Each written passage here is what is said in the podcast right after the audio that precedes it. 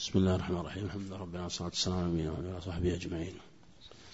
هو الدرس وآخر يوم الدرس هذا ما بقي لعلنا نأخذ نستعرض على استعراض خفيف.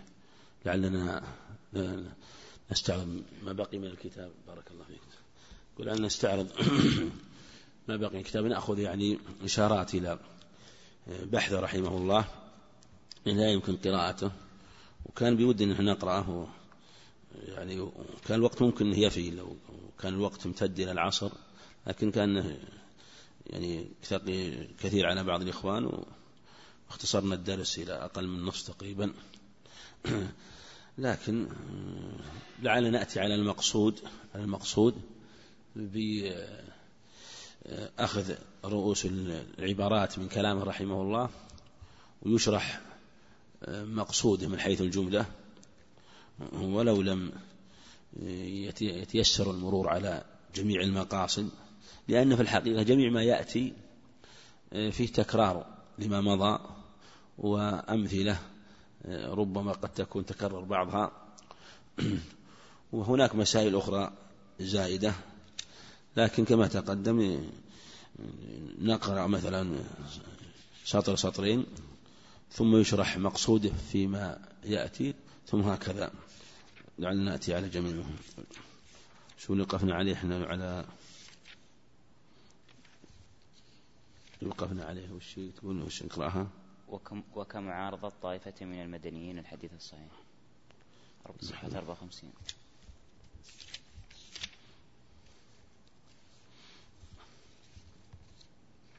نعم.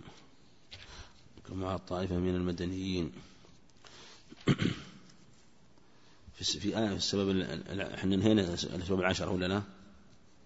نعم. نعم وكما. طيب هذا اقرأ وكما اقرأ. نعم. بسم الله والصلاة والسلام على رسول الله. اللهم اغفر لنا ولشيخنا وللحاضرين والمستمعين أما بعد. قال المؤلف رحمه الله وكمعارضة طائفة من, المدي من المدنيين الحديث الصحيح بعمل أهل المدينة بناء على أنهم مجمعون على مخالفة الخبر وأن إجماعهم حجة مقدمة على الخبر كمخالفة أحاديث خيار المجلس بناء على هذا الأصل. نعم. هذا وما سيأتي بعده هو في الإشارة إلى إلى أن بعض أنواع الخلاف يأتي بتأصيل أصول كما تقدم. من ذلك بعض أهل المدينة يعارضون الأحاديث الصحيحة بأنها تخالف عمل أهل المدينة. وهذا التأصيل موضوع تفصيل فليس عمل المدينة حجة في معارضة النصوص لأن عمل المدينة ينقسم أقسام ينقسم أقسام.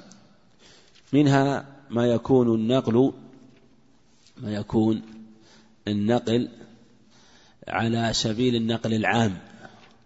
مثل نقل أنه, أنه لم يحفظ أنه كانت تؤخذ الزكاة من الخضروات والفواكه ونحوها لم يكن يعرف يعرف المدينة أخذ الزكاة منها.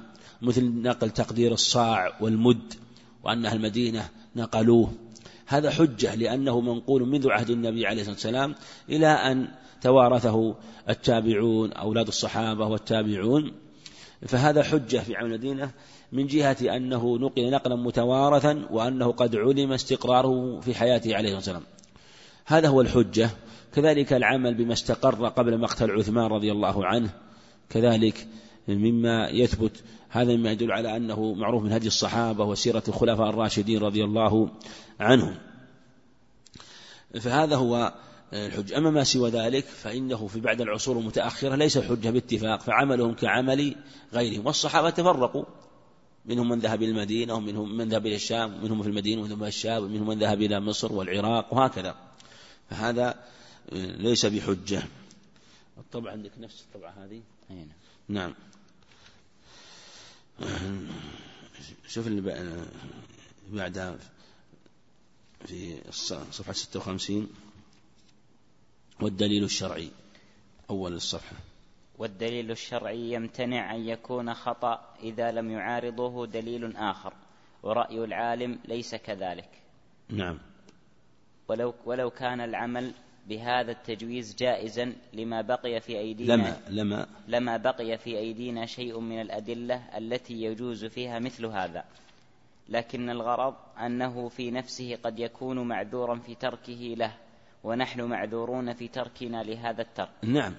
وهذا أيضا إشارة إلى أن الخلاف بين أهل العلم في من آه، خالف الدليل الذي عندنا.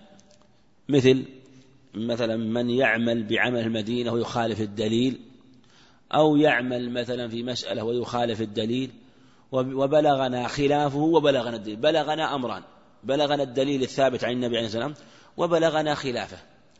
فنحن لا يجوز لنا أن نترك الدليل لخلاف أهل العلم. صحيح هذا ولا لا؟ يجب أن نأخذ بدليل. قد يقول قال طيب هذا العالم الذي خالف الدليل.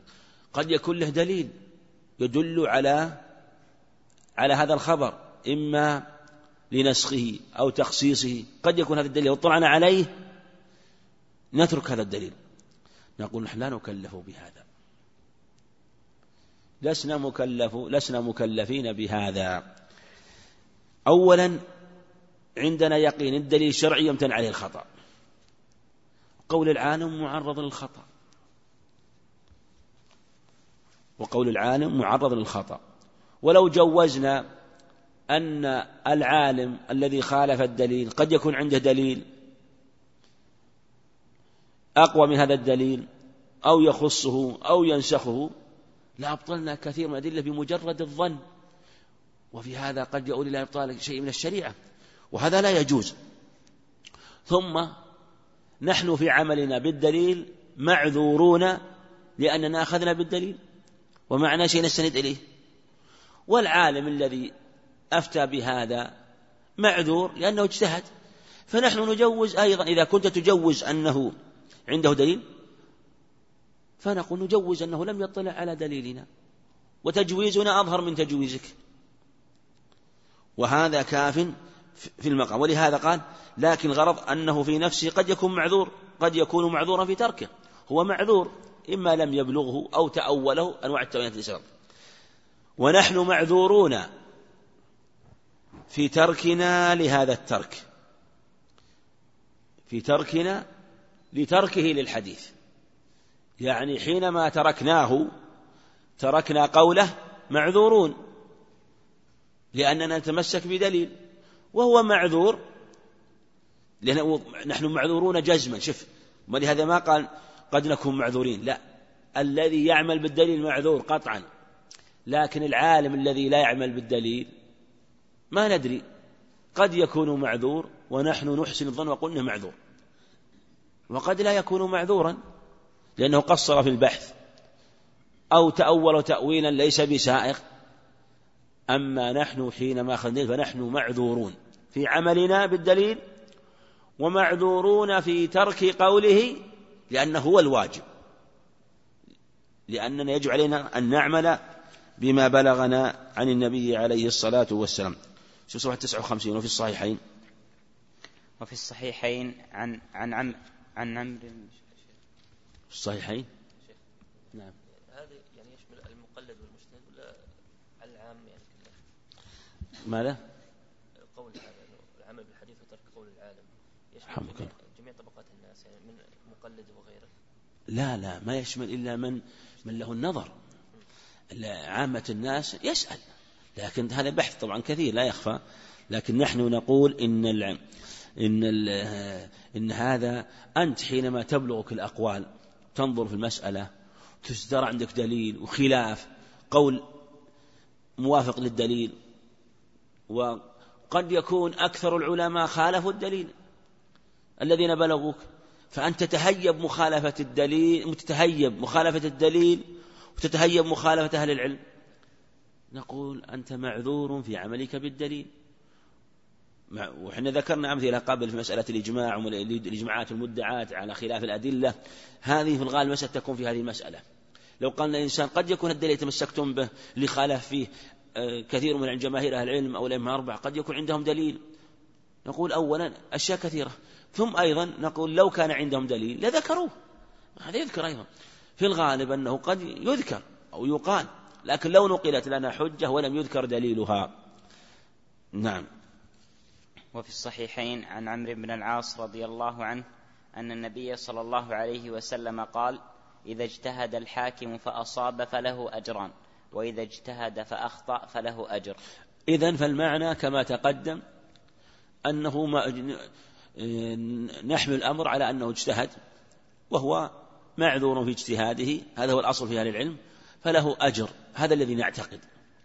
ونحن اجتهدنا باجتهاد موافق للدليل فنرجو أن يكون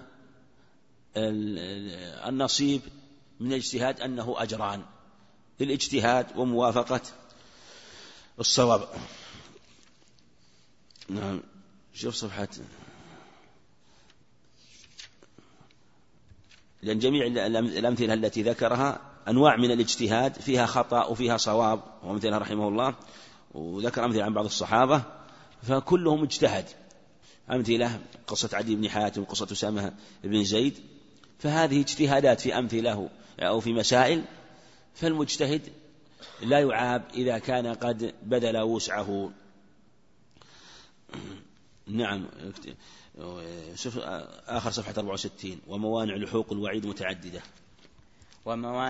وموانع لحوق الوعيد متعددة. منها التوبة. ومنها الاستغفار ومنها الحسنات الماحية للسيئات ومنها بلاء الدنيا ومصائبها ومنها شفاعة شفيع مطاع ومنها رحمة أرحم الراحمين. نعم نعم فإذا عدمت. فإذا عدمت هذه الأسباب كلها ولن تعدم إلا في حق من عتى وتمرد وشرد على وشرد على الله شرود البعير على أهله فهنالك يلحق الوعيد به. نعم. هذا يعني نقول أهل العلم في الحقيقة حينما يتكلمون في المسائل بين ثلاث ثلاث مراتب. المرتبة الأولى أن يجتهد فيصيب الدليل. هذه المرتبة العليا. الثاني أن يجتهد فيخطئ.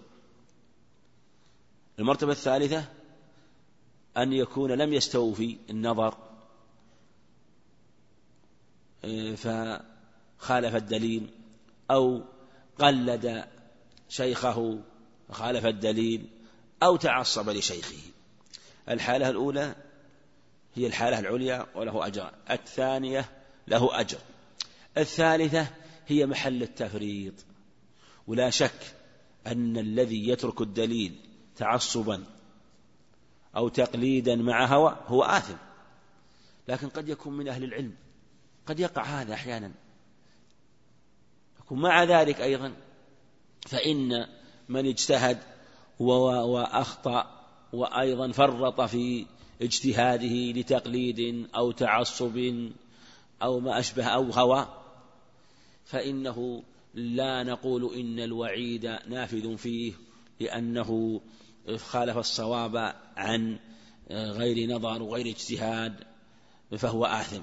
نقول لا شك أن هذا آثم لكن لحوق الوعيد له شروط ويرده موانع. فإذا وجدت الشروط وانتفت الموانع الوعيد لاحق لكن هنالك أشياء تمنع من لحوق الوعيد. لحوق الوعيد في من حكم أو أفتى أو تكلم في أمر وكان آثما فيه. وذكر رحمه الله في بعض المواضع في كتاب الإيمان الأوسط غيره عشرة أسباب أنه لا نجزم بأن الذي وقع في هذا أنه آثم لأنه قد يكون محي عنه ما وقع بالتوبة أو الاستغفار أو الحسنات الماحية أو المصائب المكفرة أو رحمة الله عز وجل أو شفاعة الشفعاء أو كذلك صلاة الصلاة عليه في الجنازة والدعاء إليه وكذلك فتنة القبر كذلك أهوال يوم القيامة وكذلك تفضلا منه سبحانه وتعالى ابتداء بأن يعفو عنه سبحانه وتعالى آه، لأنه لأن الوعيد لا نقول إنه نافذ. فهذه أسباب عشرة لن يخلو ولن يعدم منها كما قال رحمه الله إلا من عتى وتمرد وشرد على الله شراد البعير. وهذا واقع فكما أنه في الحكام ومن يتكلم في المسائل ويفتي ومن يقرر فإنه أيضا يقع في من يقع في بعض المعاصي والذنوب. فإن هذه أسباب وأمور من البلايا والمصائب تكون من أسباب التكفير إلا حينما تكون المسائل يترتب عليها إذا ترتب على تلك المسائل أيضا آه، أمور أخرى لأن لأن الحكم والفتوى تختلف تختلف كذلك الأعمال السيئة والكبائر تختلف من شخص إلى شخص بحسب أثرها وبحسب مفاسدها. فالمقصود أنه كما قال المصنف رحمه الله الوعيد كما قال قبل ذلك يعني أنه لحوق الوعيد له شروط وله موانع مثل ما ذكر أهل العلم في مسائل التفسيق والتفكير ومن فإنه مشترط له شروط. فإن العمل قد يكون كفرا لكن فاعله لا يكون كافرا. وهكذا آه، في مسائل كثيرة آه، فهذه ينبغي العناية آه، بها. وهذا يبين منه رحمه الله أنه ينبغي العناية بحفظ اللسان وعدم إطلاقه خاصة في أهل العلم. نعم. نعم. أيضا ما بعد كله متعلق. طيب شوف في في صفحة ستة ولكن الذي قد يخاف على بعض العلماء. نعم. لكن الذي قد يخاف على لكن الذي قد يخاف على بعض العلماء أن يكون الرجل قاصرا في درك حكم في, في درك حكم تلك المسألة فيقول مع عدم أسباب القول وإن كان له في وإن كان له فيها نظر واجتهاد. أو يقصر في الاستدلال فيقول قبل أن يبلغ النظر نهايته مع كونه متمسكا بحجة أو يغلب عليه عادة أو غرض يمنعه من استيفاء النظر لينظر فيما يعارض لينظر فيما يعارض ما عنده. وإن كان لم ي... وإن كان لم... وإن كان لم يقل إلا بالإجتهاد والاستدلال فإن الحد الذي يجب أن ينتهي إليه الاجتهاد قد لا ينضبط للمجتهد. نعم وهذا ما ينبه المصنف رحمه الله أن الذي يخاف على بعض أهل العلم في الاجتهاد هو أن يكون قاصر النظر أو قصر أو قصر أو قصر إما أن يكون قصر نظره نظره قاصرا أو يكون مقصرا في نظره إما أن يكون نظره قاصرا أو أن يكون مقصرا في نظره يعني أن يكون ليس عنده آلة الاجتهاد أو عنده آلة الاجتهاد وقصر في بذل الاجتهاد. فيقول مع عدم أسباب القول؟ لأن أسباب القول لا تكون إلا مع وجود آلات الاجتهاد والعمل به يكون مع مع البحث وتوفي واستيفاء النظر. فقد يقصر في الاستدلال فيقول قبل أن يبلغ النظر نهايته لأن الواجب أنه لا يقول حتى يبلغ النظر نهايته. ثم بعد ذلك إذا استوفى النظر واجتهد يقول الحمد لله. ابن مسعود رضي الله عنه كما روى الخمسة سأله رجل عن امرأة توفي زوجها بعدما عقد عليها ولم عقد عليها وتوفي عنها قبل أن يفرض لها مهرا. ولم يكن عنده دليل من السنة. فرجع إليه وتردد إليه في رواية أنه تردد إليه شهرا كاملا. وكان كلما جاءه قال دعني أنظر أو قال أنا فسحت من نظر ينظر رضي الله عنه. مسألة ينظر فيها ويتأمل. ويبحث يعني معنى ينظر ويتأمل وقد يسأل. فرجعوا إليه. فكأنه طالع عليهم الأمر. فقالوا يا أبا عبد الرحمن أخبرنا. فقال ما معناه يعني يعني إن كنت إن كان صاحب مستعجلا فليسأل غيري أو كذا فلم لم يفتهم وانتظر وجعل ينظر ويتأمل. فعند ذلك لما بلغ النظر عنده نهايته واجتهد ونظر. قال أقول فيها برأيي. رحمه الله. ما قال الحكم فيها كذا أو الواجب كذا. المسألة مجرد رأي. وهو ابن مسعود. أقول فيها برأيي. حتى لا يوهم السائل أن هذا الحكم واجب الاتباع. وأنه حكم لا يجوز مجاوزة. رأي. رأيت لكم رأيا. رأيت لكم رأيا.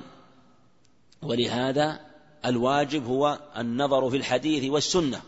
وخذ من الرأي ما يفسر لك الأثر. الرأي ليس مستندا إنما العمدة على الحديث كما قال مبارك العمدة على الحديث وخذ من الرأي ما يفسر لك الأثر. بس وما زاد فضعه في الحش. لا قيمة له. هذا هو الرأي المحمود المطلوب ولهذا لما جاء رجل إلى مالك رحمه الله فسأله عن مسألة. قال دعني أنظر. ثم جاءه من الغد. قال لا زلت في نسحة من النظر. قال إني أريد أن أسافر. فقال وأنت الذي يرحل إليه؟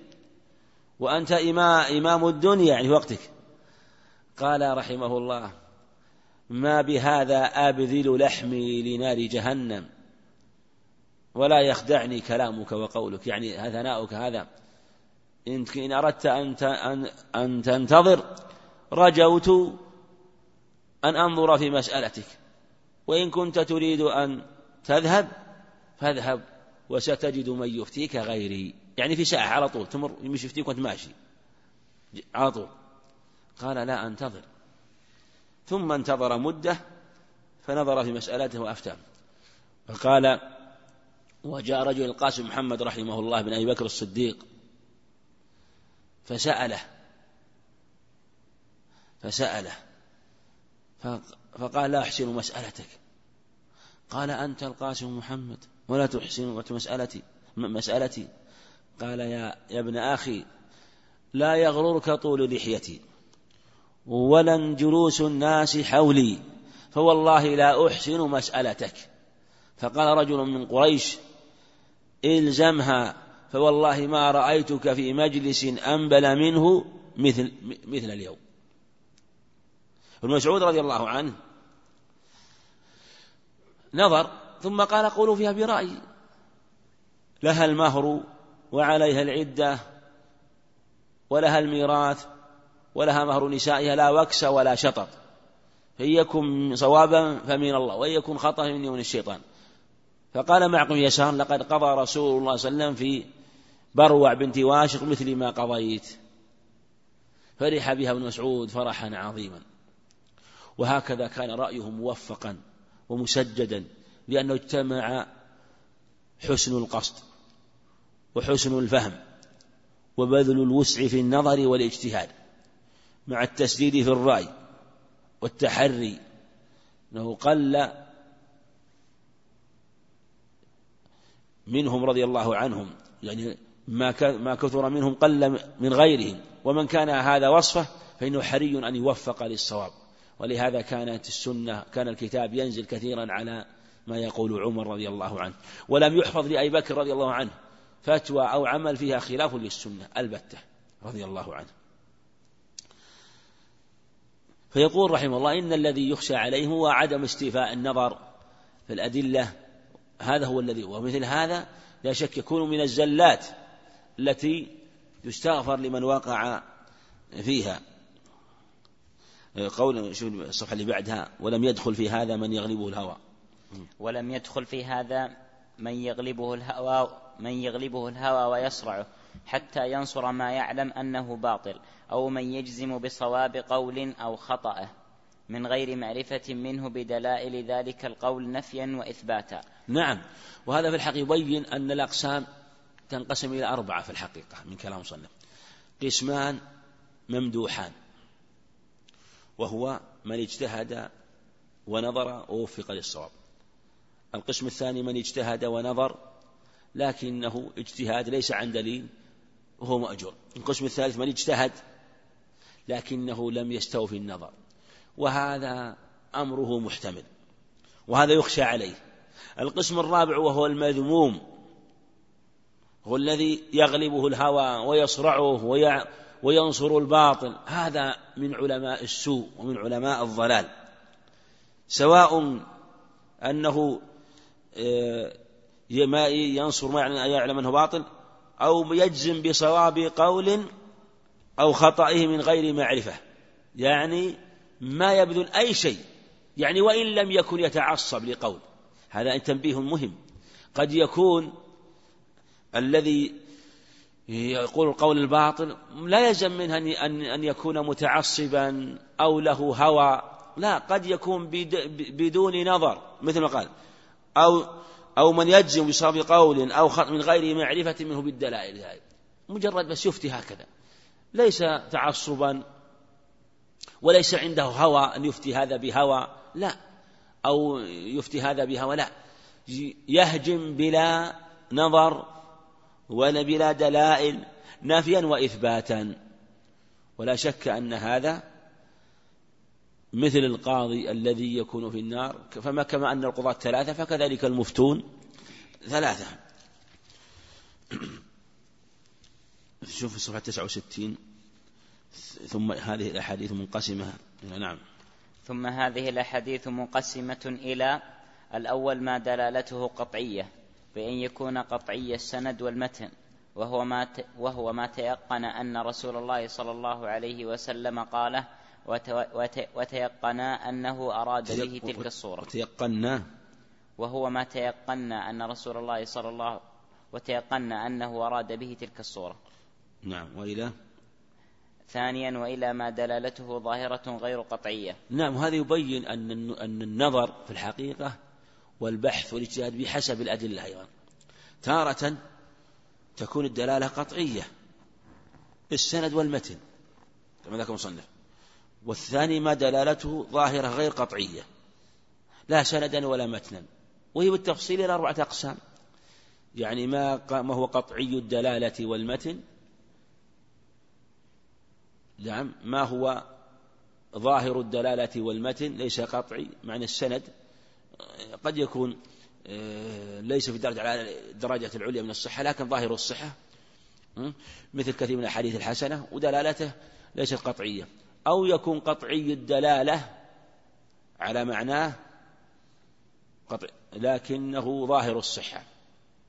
قد يكون ظاهر ظاهر الدلالة قطعي الصحة أو قطعي الدلالة ظاهر الصحة. يعني أربعة أقسام أربعة أقسام. وعلى هذا يختلف الحكم بحسب هذه الأقسام. ما هو قطعي الدلالة؟ قطعي السند. هذا أمر لا يجوز خلافه باتفاق. ما في ما أحد معذور. ما أحد لا يعذر أحد في ترك ما هو قطعي وهذا هو عامة نصوص الشريعة. عامة نصوص الشريعة أنها تكون آه، قطعية الدلالة وجمهورها يكون قطعي السند. ولهذا جزم جمع من أهل العلم أن أحاديث الصحيحين قطعية الدلالة قطعية المتن. أما الدلالة فتختلف. وكما تقدم النظر بحسب ذلك. وكلما قويت الدلالة مع القطع كلما انتفى العذر في تركه. لكن ما هو آه، ظاهر الدلالة وظاهر الم... ومتنه ظاهر هذا قد يحتمل اجتهاد هذا يقول حكم كذا وهذا يقول حكم كذا. رب يقول الحديث يدل على كذا والآخر يدل الحديث وآخر يقول الحديث أيضا لا يثبت قد يضعف الحديث لأنه متنه لأن سنده ليس بصحيح عنده. وتفاصيلها لا تخفى.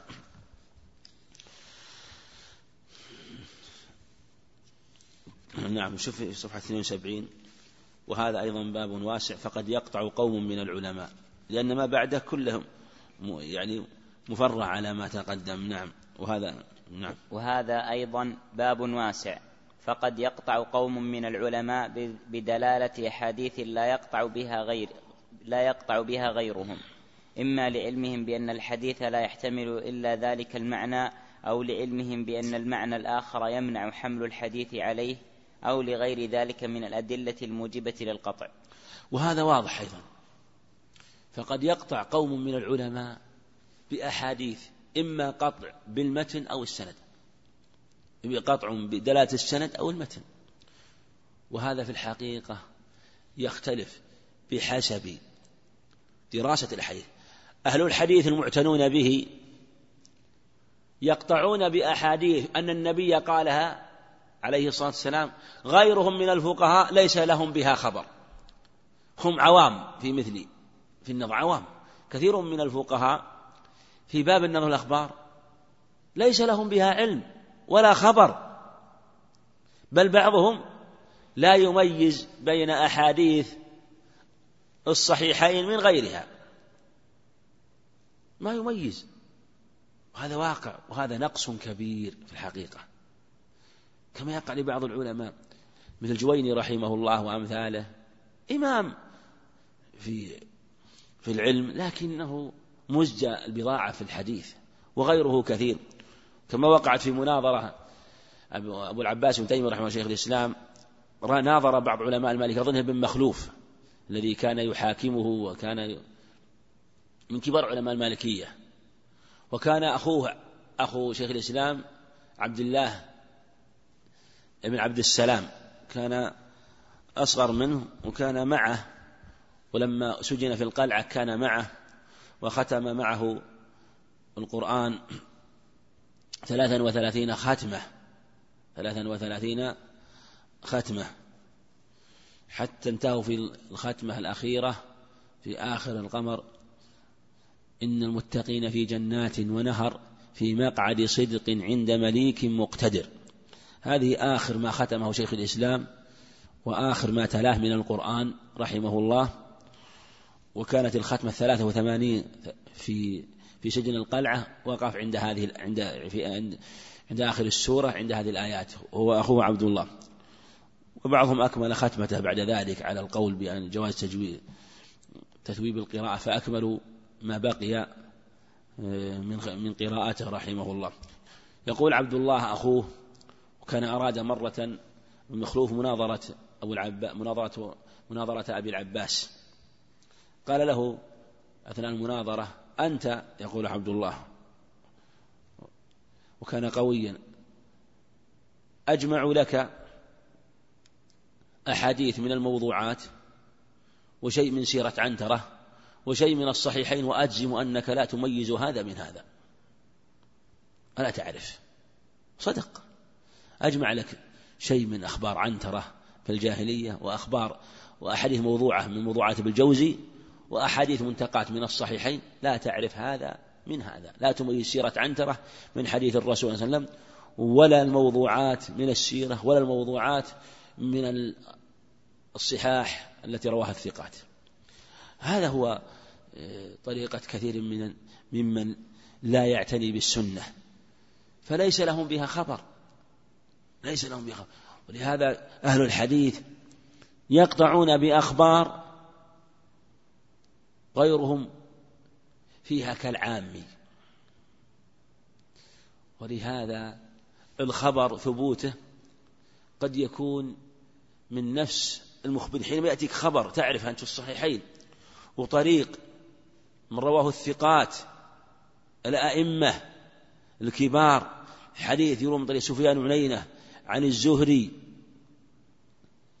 من رواية سفيان بن عيينة عن الزهري رحمه الله ويتصل السند برواية الزهري أو من طرق أخرى مثلا حديث من رواية مالك عن الزهري ثم يتصل السند أو يأتي عن رواية أبي هريرة من رواية أبي الزناد عن عرج عن أبي هريرة أو من رواية مثلا محمد بن سيرين عن عبيد السلماني عن علي أو من أو أو من رواية عكرمة عن ابن عباس وحديث مثلا بسنده كل سند من رجال والأئمة المعروفون الكبار أو من طريق مالك عن نافع عن ابن عمر.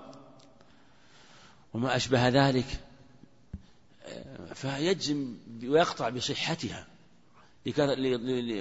ولو ما جاءت إلا من طريق أو من طريقين. وهذا رحمه الله يقول باب واسع باب و... فقد يقطع قوم بدلالة أحاديث هذه من القطع بالثبوت والقطع بالدلالة. القطع بالدلالة.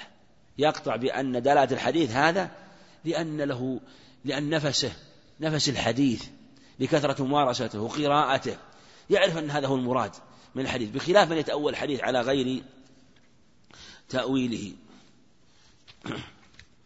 نعم شو؟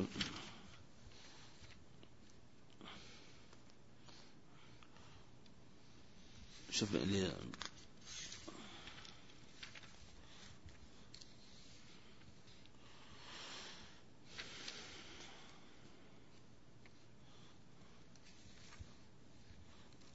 في ستة وسبعين آخرها.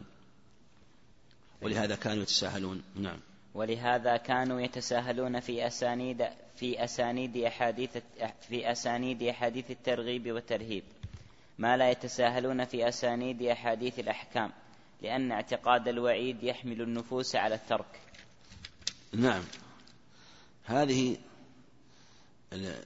المسألة أيضا وهي أنهم آه، يعني هو ذكر قبل ذلك أيضا في شوف قوله وقبله ذلك لأن الوعيد من جهة الأحكام الشرعية أنه مرتبط بهذا نعم وذلك لأن الوعيد وذلك لأن الوعيد من جملة الأحكام الشرعية التي ثبتت بالأدلة الظاهرة تارة وبالأدلة القطعية أخرى فإنه ليس المطلوب اليقين التام بالوعيد بل المطلوب الاعتقاد بل المطلوب الاعتقاد الذي يدخل في الإيم الذي يدخل في اليقين أو الظن الغالب كما أن هذا هو المطلوب في الأحكام العملية. نعم. يعني يقول رحمه الله في الوعيد هو يفرع على ما سبق الإشارة إليه وهو مسألة لحوق الوعيد. لحوق الوعيد. ويرد على من يقول إن الوعيد يشترط فيه أن يكون آه، من الأمور القطعية لأنهم من الأمور العلمية. ويقول إن الوعيد جملة الأحكام الشرعية إذا جاء وعيد على شيء بتحريمه والوعيد عليه بنار. فالوعيد من جملة الأحكام الشرعية ثبت بأدلة الظاهرة وبالأدلة القطعية تارة. ليس المطلوب هو اليقين التام بالوعيد بل المطلوب الاعتقاد الذي يدخل فيه اليقين أو الظن الغالب. لأنك حينما يأتيك وعيد فهذا أن تعتقد أن مخبره صحيح ولا يشترط القطع بذلك. كما أن هذا هو المطلوب في الأحكام العملية. كما أن الأحكام العملية كذلك هي يكون فيها يكون المراد فيها الاعتقاد العام. لكن هنالك شيء يقطع به وهنالك يكون شيء يكون من باب الظن الغالب. ولهذا يكفي في كونه جاء الوعيد في شيء وجوب اجتنابه. يعني تعتقد أن هذا مما توعد الله به سبحانه وتعالى. اعتقاد. هذا الاعتقاد. العمل هو اجتنابه. العمل فإذا جاء وعيد في أمر في تحريم شيء يجب علينا أمران. اعتقاد أن الله حرمه. وكذلك اجتنابه. فلو قال قائل لا نعتقد ولا نجزم حتى نقطع بذلك أو أن يقع عليه الإجماع. فنقول هذا ليس بلازم لأن هذا تفريع على قولهم إنهم يقولون إن من أخطأ من أهل العلم في أمر جاء فيه وعيد فأفتى بخلافه لا نجزم ولا نقول إنه متوعد. لا نقول متوعد لأنه يشترط في الوعيد أن يكون أمرا مقطوعا به. وهذا أبطله رده رحمه الله. قال إن لا لا يلزم من من الوعيد أن يكون أن نقطع به بل الوعيد من الأحكام الشرعية. كما أننا متعودون كما أننا مكلفون آه، من الشارع. بالعمل بالأوامر وإن كنا لا نقطع بها بل كثير من الأوامر والتكاليف جاءت بنصوص قد لا نقطع بثبوتها ومع ذلك نعمل بها ونرجح القول بها. كذلك الوعيد هو من هذا الباب والعالم يجب عليه يعمل بمقتضى ما دلت عليه الأدلة. فإن كانت عمل عمل عمل بها وإن كانت اعتقاد اعتقد اعتقد. وإن كان اعتقاد يترتب عليه عمل فالواجب عليه أيضا أن يجتنب ذاك الوعيد. وهذا أيضا كما تقل يدخل فيه أهل العلم ممن فرط فإنه متوعد. إلا إذا وقع له شيء من الأسباب العشرة سبق ذكرها وهي آه، من من مكفرات الذنوب آه، التي قد تصيبه إما في الدنيا أو في البرزخ أو في يوم القيامة. نعم وقال وهذه القاعدة تظهر بأمثلة. نعم. في صفحة 79 وهذه القاعدة تظهر بأمثلة منها أنه قد صح عن النبي صلى الله عليه وسلم أنه قال لعن الله آكل الربا وموكله وشاهديه وكاتبه وصح عنه من غير وجه أنه قال لمن باع صاعين بصاع يدا بيد أوه. أوه عين الربا. كما قال البر بالبر. نعم. نعم البر بالبر. ربا إلا هاء وهاء وهذا يوجب دخول نوعي الربا ربا الفضل وربا وربا النساء في الحديث. نعم هو رحمه الله يقول يرد قاعدة قالها بعض الناس وهو يقول إنه لا يجب في أن الأحاديث المتضمن الوعيد يجب العمل بها في مقتضاها وأنه لا يشترط في الوعيد أن ينقل نقلا متواترا لا يشترط. وأنه كل وعيد ورد فإنه يجب علينا أن نعمل بمقتضاه. ونثبت الوعيد فيه. نثبت الوعيد فيه. لأن بعض العلماء بعض العلماء قال إن من أخطأ أخطأ في باب وأفتى في مسألة خطأ وجاء فيها وعيد مثلا فلا نجزم بأنه متوعد. مثلا لأنه اللي يشترط في الوعيد أن يكون متواترا. ورد هذا وأبطله وقال تظهر بأمثلة منها أن النبي عليه لعن آكل الربا وموكله وكاتبه وشاهديه. في حديث جابر حديث مسعود حديث مسعود مختصر في حديث أبي جحيفة لعن آكل الربا وموكله. في النظائر عند النسائي هم ملعونون على لسان محمد صلى الله عليه وسلم رسول الله صلى الله عليه وسلم. أو كما قال في في في النساء إذا علموا ذلك إذا علموا ذلك فالنبي لعن آكل الربا وموكله وقال أوه عين الربا. لكن العالم المجتهد لا نجزم بلحوق الوعيد به. ولا نقول مثلا إن من أفتى في بعض مسائل الربا إنه ملعون. لا ما يمكن ولا يجوز هذا. لا يجوز ذلك بل نقول الوعيد على ظاهره. والوعيد من جملة الأحكام الشرعية. الوعيد من جملة الأحكام الشرعية. ولا يشترط فيه التواتر. فالأحاديث ضمن الوعيد يجب العمل بها في مقتضاه باعتقاد أن ذلك الفعل متوعد بذلك الوعيد متوعد بذلك الوعيد. يجب اعتقاد ذلك. فرق بين اعتقادنا بأنه متوعد وبين لحوق الوعيد. ولهذا قد يكون إنسان يأكل الربا. هو آثم متوعد. لكن قد ينتفي عنه الوعيد لأن لحوق الوعيد له شروط. فإن ثبتت وموانع انتفت لحق الوعيد. فإن وجدت فإذا تخلف بعض الشروط أو وجد بعض الموانع لا يلحق الوعيد. من مثلا من الموانع التي تمنع أن يكون متأولا أو ما بلغته السنة في ذلك. مثل ابن عباس كان يفتي في بعض مسائل الربا رضي الله عنه. يفتي في بعض مسائل الربا. ولا يجوز أن نقول إن إن ابن عباس متوعد رضي الله عنه. بل نقول مجتهد وهو في اجتهاده مأجور. وكان الصحابة رضي الله عنهم إذا بلغتهم السنة سمعوا وأطاعوا. وهكذا في مسائل كثيرة مثل التحليل لعن الله المحلل والمحلل له. جاء في عدة أخبار.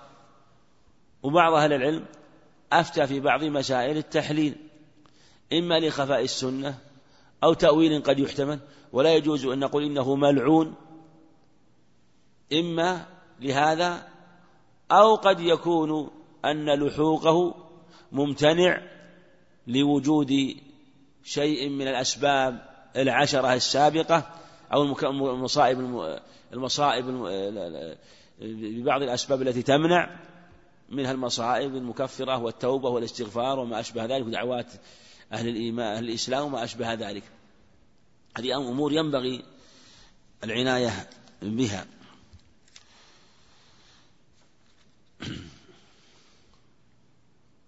نعم.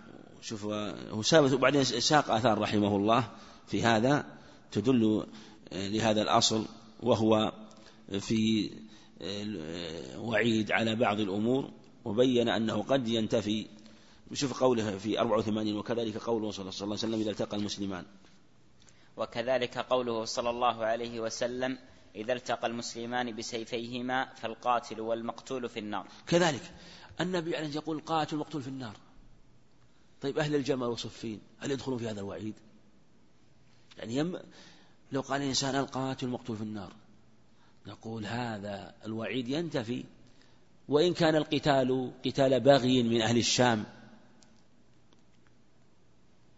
فلا كذلك القتال يوم الجمل. ولا يجوز أن نقول مثلا أن عائشة ومن معها مثلا أو معاوية ومن معه. وإن كان يطلق أنهم بغاة فوصف البغي قد يطلق ولا يلزم هذا في حكم الدنيا لكن في الآخرة لا يلحق الوعيد. لا يلحق الوعيد لأن الوعيد له شروط. لأن لهم عذر وتأويل لهم عذر وتأويل في نفس التأويل وحسنات ماحية فعندنا أمران أمر يتعلق بتأويلهم في قتالهم وأمر يتعلق يعني أمر حال القتال وأنهم أقدموا عن تأويل واجتهاد. وحسنات ماحية أو مصائب مكفرة قبل الجمل وبعد الجمل أو قبل صفين وبعد صفين لأهل الشام مثلا. فهذه أمور تقع في مسائل الاجتهاد سواء في الدماء أو في المسألة تجتهد فيها في باب الأحكام والفتيا والقضاء. نعم شوف صفحة. وذكر أمثلة أيضا على هذا الأصل. إلى قوله شوف في صفحة تسعة وثمانين نعم في قوله وإنما رددنا الكلام ها؟ شوف تسعة وثمانين. وإنما رددنا الكلام بأن, بأن للناس في هذه المسألة قولين أحدهما وهو رددنا ولا رددنا؟ أظن يمكن رددنا هم شدد هنا. رددنا من رد يرد يعني رددنا وترديد الكلام. ترديد الكلام يعني هو آه، كونه يقوله ويقول كلام مرة بعد مرة. يعني يعني أتى به مرة. أما أما رددنا من رد الشيء إذا لم يقبله. يمكنها رددنا. يعني أعدناه مرة أخرى. يعني سبق نعم. وإنما رددنا الكلام لأن للناس في هذه المسألة قولين. أحدهما وهو قول عامة السلف والفقهاء أن, حك أن حكم الله واحد وأن من خالفه باجتهاد سائغ مخطئ معذور مأجور. فعلى هذا يكون ذلك الفعل الذي فعله المتأول بعينه حراما لكن لا يترتب أثر التحريم عليه لعفو الله عنه فإنه لا يكلف نفسا إلا وسعها. والثاني؟ والثاني أنه في حقه ليس بحرام لعدم بلوغ دليل التحريم له وإن كان حراما في حق غيره فتكون نفس حركة ذلك الشخص ليست حراما. وهذا هو الأقرب وإن كان كما قال اختلاف العبارة وهذا هو الأقرب. وذلك أن يعني لأنه رحمه الله عاد يعني يقول إعادة لهذه سبق الإشارة إليه. وذلك أن أنه كما قال أن حكم الله في المسألة اللي يختلف فيها هل هو واحد أو هو حكمان؟ عندنا مجتهدان اجتهد في مسألة. فأحد قال القول كذا والآخر قال القول كذا. كلهم مجتهد يريد الصواب. هل نقول هذا على صواب وهذا على صواب؟ أو نقول واحد على صواب واحد على خطأ؟ فإن قلنا إن حكم الله واحد فإنه يكون مع من أصابه والثاني خطأ. وإن قلنا إنه إن لله حكمين فهذا مصيب وهذا مصيب. لكن حكم الله واحد شريعة واحدة في الفروع والأصول. ونحن نقول كما تقدم سبق معنا قال رحمه الله إنه ردد الكلام مرة أخرى إن كليهما على صواب. إن أردنا بالصواب هو بذل الوسع فهو على صواب. وإن أردنا بالصواب هو موافقة حكم الله في نفس الأمر فالذي على صواب هو من؟ اجتهد ووافق حكم الله. وهذا هو الصحيح أن حكم الله واحد ومن خالف باجتهاد سائغ فهو معذور. لكن هل يقال إن من خالفه إنه إن فعله حرام لكنه معذور لأنه اجتهد؟ أو أن أنه ليس بحرام لأن هذا هو. الذي أمر به لعدم بلوغه الدليل؟ هذا هو الأقرب. وأن. وأن فعله وحركاته واجتهاده ليس بحرام لأنه بذل وسعه وله أجر الاجتهاد. ولذا كان الخلاف متقارب وشبيه بالاختلاف في العبارة. نعم. شوفوا في قوله فإن, فإن قيل نفس الصفحة التسعين. فإن قيل. فإن قيل فهلا قلتم إن أحاديث الوعيد لا تتناول محل الخلاف وإنما تتناول محل الوفاق وكل فعل لعن فاعله أو أو توعد عليه بغضب أو عقاب حمل على فعل اتفق على تحريمه لئلا يدخل بعض المشت... لئلا يدخل بعض المجتهدين في الوعيد. نعم وكو عيد نعم. لئلا. نعم. لئلا يدخل لئلا يدخل بعض المجتهدين في, في الوعيد إذا فعل ما اعتقد تحليله بل بل, المعت بل المعتقد أبلغ من الفاعل. إذ هو الآمر له بالفعل فيكون قد ألحق به وعيد اللعن أو الغضب بطريق الاستلزام. قلنا الجواب من وجوه؟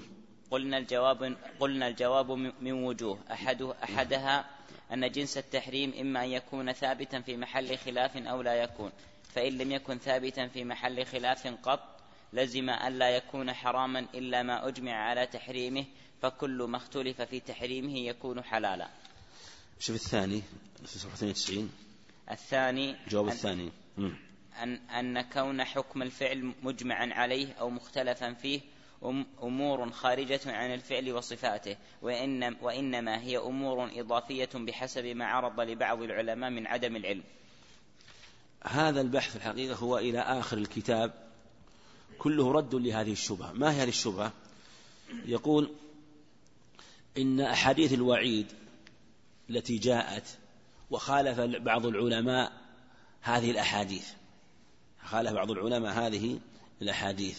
هذه هذا البحث ذكره كما تقدم اختصر في يعني كلمة هو ذكر الحقيقة ردود مهمة وبعضها تحتاج إلى شيء من العناية لكن هذا البحث ذكره إلى آخر الكتاب.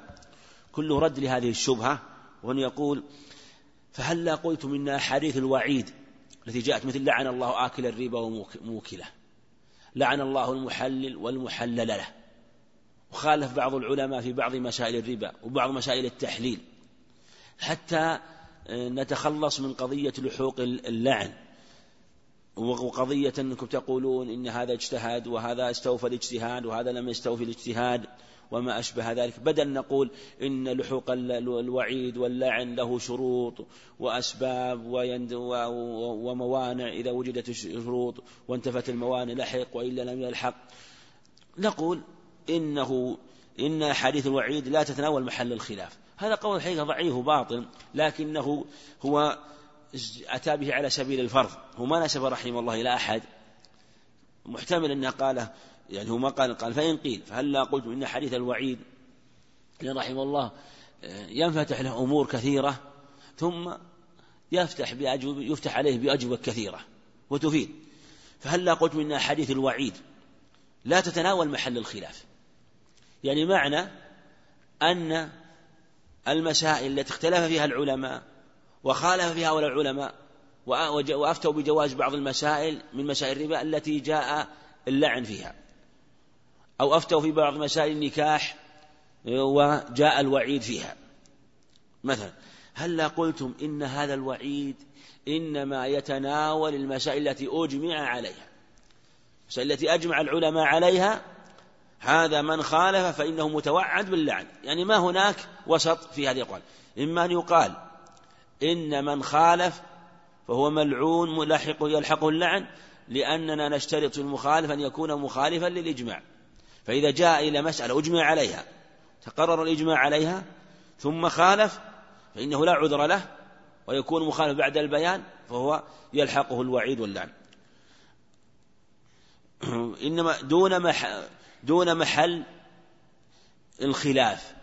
معنى إذا كانت مسألة مختلف فيها وهي مسألة جاء الحديث بالوعيد فيها ثم هو أفتى أو حكم في مسألة جاء آه، الوعيد فيها كما تقدم. فنقول إنه لا يلحقه الوعيد ولو أنه ما بذل وسعه ولو أنه ما اجتهد. لأن نشترط أن بلحوق الوعيد أن يكون في أمر مجمع عليه. هو يقول هذا مردود وذكر وجوه كثيرة. رحمه, رحمه الله حاصلها أن هذا يلزم عليه كما تقدم يلزم عليه أننا لا نحتج إلا بمسائل أجمع عليها. وأما المسائل المختلف فيها فإنه لا نحتج بها. ويلزم يلزم عليه ألا يحتج إلا بمسألة أجمع عليها. ويلزم عليه أن يكون الإجماع دليل على صحة السنة. معنى أننا ما نحكم بالسنة ولا نقول بها إلا إذا ثبت الإجماع. ويلزم عليه أن تكون السن أن يكون أن يكون ما قاله عليه الصلاة والسلام من الوعيد في عهده لا يؤخذ به. لأن حتى الآن لا يقع الإجماع إلا بعد عهده. لا يقع الإجماع إلا بعد وفاة عليه السلام. فيلزم أن يتأخر الحكم بالوعيد حتى يثبت الإجماع وهذا لا يكون إلا بعد وفاته. وما لزم عليه لزم أن لا تثبت حجية السنة إلا بالإجماع. والأمر بالعكس نحن لا, لا, لا نثبت الإجماع إلا بالسنة وأن يكون له دليل. وذكر أدلة رحمه الله في هذا في هذا الباب تدل على بطلان هذا التأصيل. وأنه لا يصح لكنه وساقه على سبيل الفرض. والغاية من هذا هو بيان أن الوعيد لاحق لأنه حينما يقول النبي صلى الله عليه وسلم لعن الله المحلل والمحلل هذا نص في لعن المحلل نص. كيف نقول إنه لا يلحق؟ ولو خالف من خالف. النبي نص على ذلك عليه الصلاة والسلام. لعن الله آكل الربا وموكله. نقول على العموم كل آكل الربا فهو ملعون. لكن الشخص المعين ما نقول إنه ملعون. ما نحكم على الشخص المعين. ولهذا هذا الحكم هو في الحقيقة هو الفصل في هذه المسائل. في اللعن في التكفير في التفسيق. من شخص معين ما نحكم عليه. ما نحكم عليه. بل نقول إن لحوق اللعن له شروط. تثبت وموانع تنتفي. مثل مثلا لو أن إنسان أنكر شرب قال خمر حلال. شنو نقول كافر ولا هو كافر؟ الشخص المعين. هل نكفره ولا ما نكفر إن كان أنكر شرب الخمر. قال الخمر حلال. إيش تقولون؟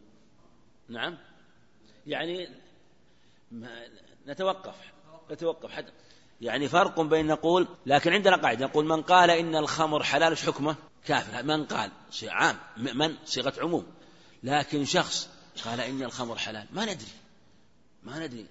ننظر. لماذا حلال؟ قال ما في دليل على تحريمها. قلنا حرمها الله في كتابه والرسول في سنته قال أستغفر الله ما علمت. أستغفر الله. قل الحمد لله. ما علمت. قد يكون إنسان لتو قدام مضعون شرب الخمر احتج بآية الأنعام ليس على الذين آمنوا جناح فيما طعموا إذا إذا ما اتقوا وعملوا الصالحات ثم اتقوا وآمنوا الصالحات ثم اتقوا وآمنوا ثم اتقوا وأحسنوا. يعني لم يتبين له الحكم ولم آه، آه، يعني يظهر حتى بين عمر أنه إذا اتقى الله لم يشربها وأن من شربها قبل ذلك قبل تحريمها في قبل ذلك فإنه لا شيء لأنها قبل ذلك ليست حراما. ولهذا لما دعاهم بين أنهم يقررون فإن استجابوا فالحمد لله درأ عنهم الحد. وإلا فإن أصروا قتلوا إن أصروا قتلوا. وهكذا قد يقع بعض الناس إنسان إنسان مثلا في أطراف الدنيا أو في برية ما علم بالشريعة قد ينكر بعض الأمور ولا يدري. يقول أبو العباس رحمه الله في كلامه يقول إن بلغه يعني عن بعض النساء في في البوادي أنها لا تصلي وتقول أنا لا أصلي حتى أصير عجوزة تظن الصلاة ما تجب إلا على الكبيرة هذا هذا عبارته رحمه الله. وهكذا ولهذا الشرائع متى تثبت؟ هل تثبت يعني بمجرد نزولها أو يشترط العلم بها أو يفرق بين الخطاب المبتدأ والخطاب الناسخ. ثلاثة أقوال. ثلاثة أقوال. منهم من قال إن الشرائع تثبت قبل العلم. منهم قال لا تثبت إلا بعد العلم. منهم فرق بين الخطاب المبتدأ والخطاب الناسخ. فإذا كان يعني آه، لم تبلغه الشريعة هل يثبت الحكم؟ لا. الصحيح أنها لا تثبت إلا بعد العلم. إلا بعد العلم. ومنهم من فرق بين الخطاب المبتدأ والخطاب الناسخ. قال الخطاب الناسخ لا تثبت إلا بعد العلم. والخطاب المبتدأ تثبت قبل العلم. قالوا إن الخطاب الناسخ لو جاءنا خطاب ناسخ لنص منسوخ فمن عمل بالخطاب المنسوخ فلا عتب عليه. لأنه يعمل بنص سابق ولا يكلف العمل بالنص الثاني حتى تبلغه الشريعة لأنه على شريعة. مثل الصحابة رضي الله عنهم أهل قبى لما أنه نزل الخطاب الناسخ في نسخ القبلة والاتجاه إلى الكعبة. جعلوا يصلون نزلت إما الظهر أو العصر هم صلوا لم تبلغهم إلا مع الفجر. صلوا العصر والمغرب والعشاء إلى غير الكعبة إلى غير إلى جهة الشام. حتى بلغهم في الفجر فلم يؤمروا بإعادة تلك الصلوات لأنهم على خطاب سابق خطاب سابق. أما إذا كان خطاب مبتدأ لم يسبقه خطاب فقالوا إن تثبت في حقه ويجب عليه القضاء إذا لم يعمل. والصحيح أنه لا فرق وأن الشريعة لا تثبت إلا بعد العلم هذا الصحيح. ولهذا المصنف سبق أن ذكر أدلة حديث عدي بن حاتم رضي الله عنه في أو, أو, أو, أو حديث سهل في قصة عدي بن حاتم رضي الله عنه لما كان يضع عقالين عقال أسود وعقال أبيض فيأكل حتى يتبين عقالين حتى إذا تعالى حل لكم ليلة الصيام الرفث إلى نسائكم هن لباس لكم وأنتم لباس لهن. إلى قوله وكلوا واشربوا حتى يتبين لكم الخيط الأبيض من الخيط الأسود من الفجر ثم أتموا الصيام الليل إلى الليل. يعني كان يظن أن الخيط الأبيض هو الخيط الذي يعقد وكان يأكل حتى يطلع الصبح ولم يأمره النبي عليه الصلاة والسلام ولا من في اللفظ الآخر في حديث سالم سعد أنهم كانوا رجال أنهم كانوا رجال يعني فعلوا مجموعة ولم يأمرهم النبي عليه الصلاة والسلام بقضاء الصوم لأن ما بلغهم لأنهم آه، عملوا بهذا وتأولوا تأويلا لأنه لم ينزل من من الفجر. كذلك ثبت في الصحيح أن امرأة لعلها أم حبيبة أم حبيبة بن جحش صحيح مسلم أنها قالت أن الحيضة إنها استحيضت سبع سنين قالت منعتني الصوم والصلاة. قال النبي ليس ليس بالحيض ذاك ليس بالحيض. وانظري عدد الأيام التي كنت تحيضين فيها. في لفظ امكثي قدر ما كانت تحبسك حيضتك. بين أن هذا استحاضة وأنه لا يمنع الصلاة ولا الصوم ولم يأمرها النبي عليه الصلاة والسلام بإعادة ما سبق. لأنها لم تعلم ذلك أو لم يتبين لها وهذا أبلغ في الحقيقة. وقال بعض العلم إنه ولهذا قال بعض العلم إنه لا يكفي مجرد البلوغ بعد. لا يعني لا يكفي مجرد بلوغ الشريعة. وش يشترط معها؟ نعم. الفهم. لكن الفهم إذا كان ليس عن تفريط. ليس عن تفريط. فلا بد من قيام الحجة من الفهم. فلو أن إنسان مثل ما تقدم وقع في أمر هو في الأصل مكفر. فلا نكفر إلا من كفره الله ورسوله. فله شروط إذا ثبتت وموانع تنتفي إذا وجدت قامت الحجة التامة. وهذا جار أيضا في كثير من المسائل من المسائل. والمصنف رحمه الله اعتنى بهذا وبين رحمه الله أن مثل هذه المسائل أصل ثبوت المعنى وثبوت ما دل عليه وأنه وأن النصوص الشرعية يجب إجراؤها واعتقاد ما دلت عليه من الوعيد والعمل بمقتضى ذلك. عمل بمقتضى ذلك. ولهذا كثير من المسائل هي من المسائل العملية العلمية التي لا يشترط فيها التواتر. مثل بعض أنواع القراءات بعض أنواع القراءات وما أشبه ذلك ومسائل عدة. وجميع ما ذكر رحمه الله هو في رد هذه الشبهة. والله أعلم. وصلى الله وسلم وبارك على نبينا محمد. في شيء ولا